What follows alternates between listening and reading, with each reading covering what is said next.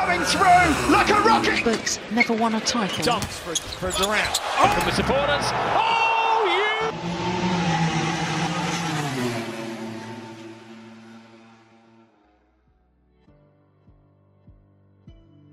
Yo yo yo, welcome back to my podcast. Halo GP Mania, gimana nih kabar kalian semua? Ketemu lagi sama gua Garda di Sportcast, ngobrolin olahraga seru, menarik yang ada di dalam luar negeri maupun dalam negeri. Tapi dalam episode kali ini, gua mau ngebahas seputar drama MotoGP di musim 2020 ini. Asli seru parah. Di kala pandemi kayak gini, gue sih yakin pasti lu semua pada bosen kan di rumah terus, kagak ada kerjaan, lontang-lantung sana kemari. Nah, daripada mondar-mandir nggak jelas, mendingan lu semua rebahan di kasur sambil dengerin podcast gua. Kalau bisa sih sambil ngebayangin, gimana sih sensasinya drama-drama MotoGP 2020 musim ini. Oke, sebelum gua ngebahas drama MotoGP 2020 ini, gue mau ngasih tahu dulu nih pemenang-pemenang di setiap sirkuit yang ada di 14 venue kemarin. MotoGP 2020 musim ini sudah berakhir. Berakhir dalam sirkuit GP Portugal pekan lalu. Fabio Quartararo dan Franco Morbidelli paling banyak meraih kemenangan dalam seri balapan. Dan dalam laju, Joan Mir yang menjadi juara dunia di MotoGP 2020 ini. Hmm, gila sih. Dalam kejuaraan yang terimbas pandemi ini, MotoGP 2020 cuma menghadirkan 14 seri balapan yang seluruhnya dipentaskan di benua Eropa. Beberapa sirkuit juga dua kali menggelar seri balapan. Kalau di total-total ada 9 sirkuit venue balapan dari 14 seri di MotoGP 2020 ini.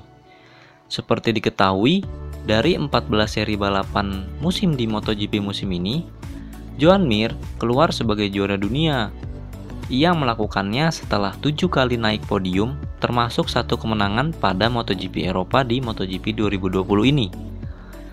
Yang praktis tidak melibatkan Marc Marquez usai cedera pada seri pertama. Ada 9 pemenang berbeda dari 14 seri balapan. Selain Quartararo, Morbidelli, dan Mir, ada pula nama Brad Binder, Andrea Dovizioso, Miguel Oliveira, Maverick Vinales, Danilo Petrucci, dan Alex Rins. Dari nama-nama tersebut, Fabio Quartararo dan Franco Morbidelli adalah dua nama yang sering meraih kemenangan pada MotoGP 2020 ini. Keduanya meraih masing-masing tiga kemenangan. Dan setelahnya, ada nama-nama Miguel Oliveira yang dua kali menang dan selebihnya punya masing-masing satu kali keberhasilan naik podium teratas termasuk Joan Mir. Nah, gue sebagai MotoGP antusias, anjay, punya list klasemen daftar nama-nama riders di setiap sirkuit. Yang pertama MotoGP Spanyol, diungguli oleh Fabio Quartararo, finish pada posisi ke-8 klasemen terakhir. Yang kedua MotoGP Andalusia, diungguli oleh Fabio Quartararo juga. Kemudian MotoGP Ceko, diungguli oleh Brad Binder, finish pada posisi ke-11 klasemen terakhir. MotoGP Austria diungguli oleh Andrea Dovizioso, finish pada posisi keempat klasemen terakhir. MotoGP Styria diungguli oleh Miguel Oliveira, finish pada posisi 9 klasemen terakhir. MotoGP San Marino diungguli oleh Franco Morbidelli, finish runner-up di klasemen terakhir. MotoGP Emilia Romagna diungguli oleh Maverick Vinales, finish pada posisi 6 klasemen terakhir. MotoGP Catalunya diungguli oleh Fabio Quartararo. MotoGP Prancis diungguli oleh Danilo Petrucci, finish pada posisi ke-12 klasemen terakhir. MotoGP Aragon diungguli oleh Alex Rins, finish pada posisi ketiga klasemen terakhir. MotoGP Teruel diungguli oleh Franco Morbidelli. MotoGP Eropa diungguli oleh Joan Mir sebagai juara dunia.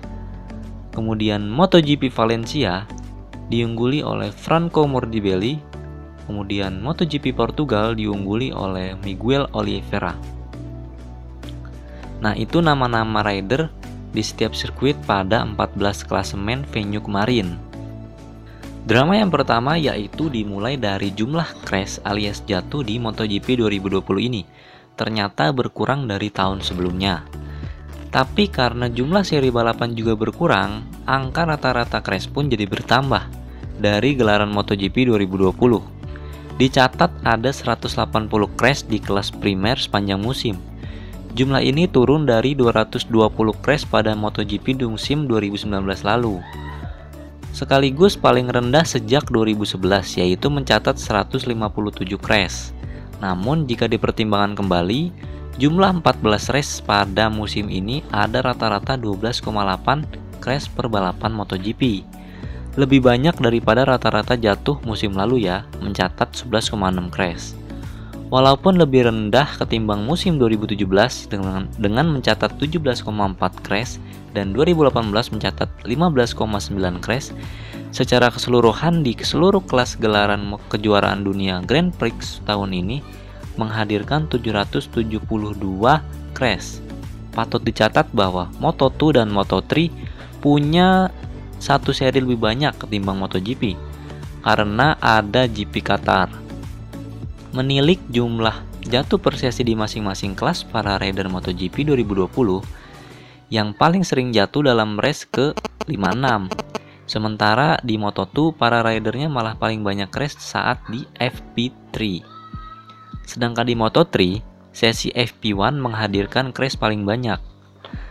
Nah, lanjut lagi soal seri balapan. Race di Prancis rupanya punya jumlah crash paling banyak di antara seri-seri balapan lainnya ada 100 crash di Le Mans pada musim ini. GP Prancis kini punya crash terbanyak selama dua musim beruntun. Nah, pertanyaannya di sini, siapa sih rider MotoGP yang paling sering jatuh? Predikat kampion crash kelas primer berhak disandang oleh Johan Jarko yang jatuh 15 kali sepanjang MotoGP 2020. Bayangin. Mungkin si Jarko ini kurang konsentrasi kali ya dan fokus dalam mengendari motornya.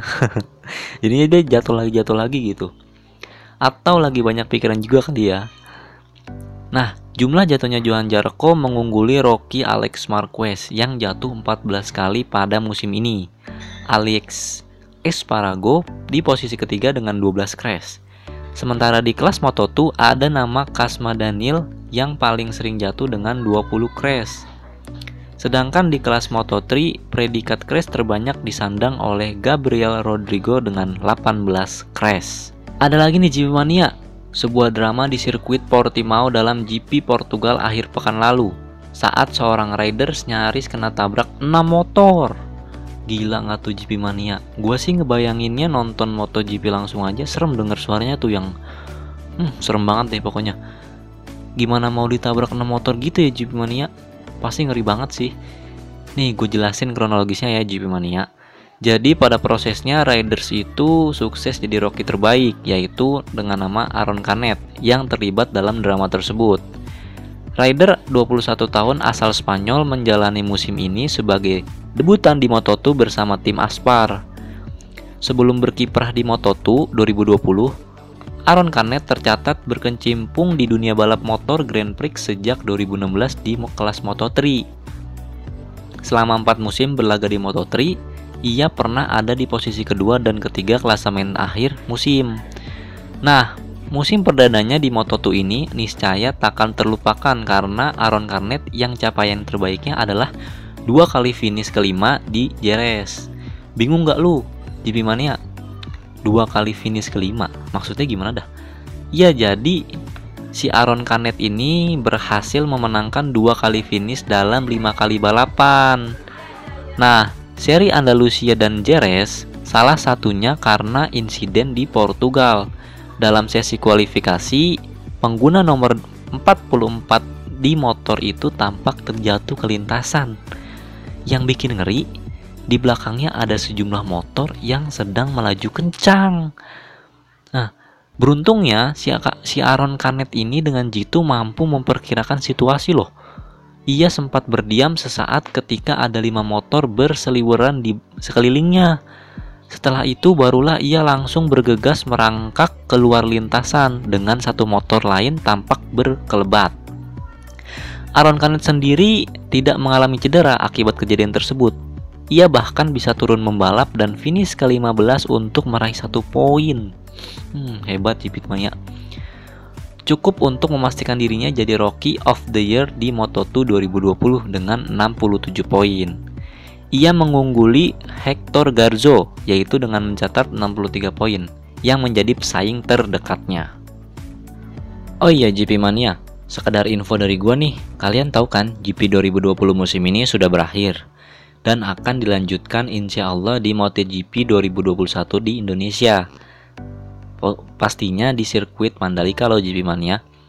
Nah, nama-nama peserta MotoGP 2021 ini sudah diumumkan, termasuk Aprilia yang sebelumnya gencar mencari-cari pengganti Andrea Iannone. Bursa transfer MotoGP sudah berlangsung sejak musim panas lalu. Sebagian besar rider yang ambil bagian di MotoGP 2020 akan kembali bertarung musim depan yang direncanakan akan menggelar 20 seri. Nggak ada lagi tuh yang namanya Andrea Dovizioso sebagai rider dari Ducati, kemudian Tito Rabat dari rider Ensporama Racing, dan Carl Crutchlow dari rider LCR Honda. Tiga rider dari Moto2 yakni Enya Bastianini, Luca Marini, dan George Martin masuk sebagai rookie. Mengisi kekosongan itu, Bastianini sang juara Moto2 2020 akan bertandem bersama Marini di Ensporama Racing. Martin bergabung dengan Pramac Racing dan akan berduet dengan Johan Jarko. Sementara itu, Francesco Bagnaia dan Jack Miller kompak hijrah ke tim pabrikan Ducati.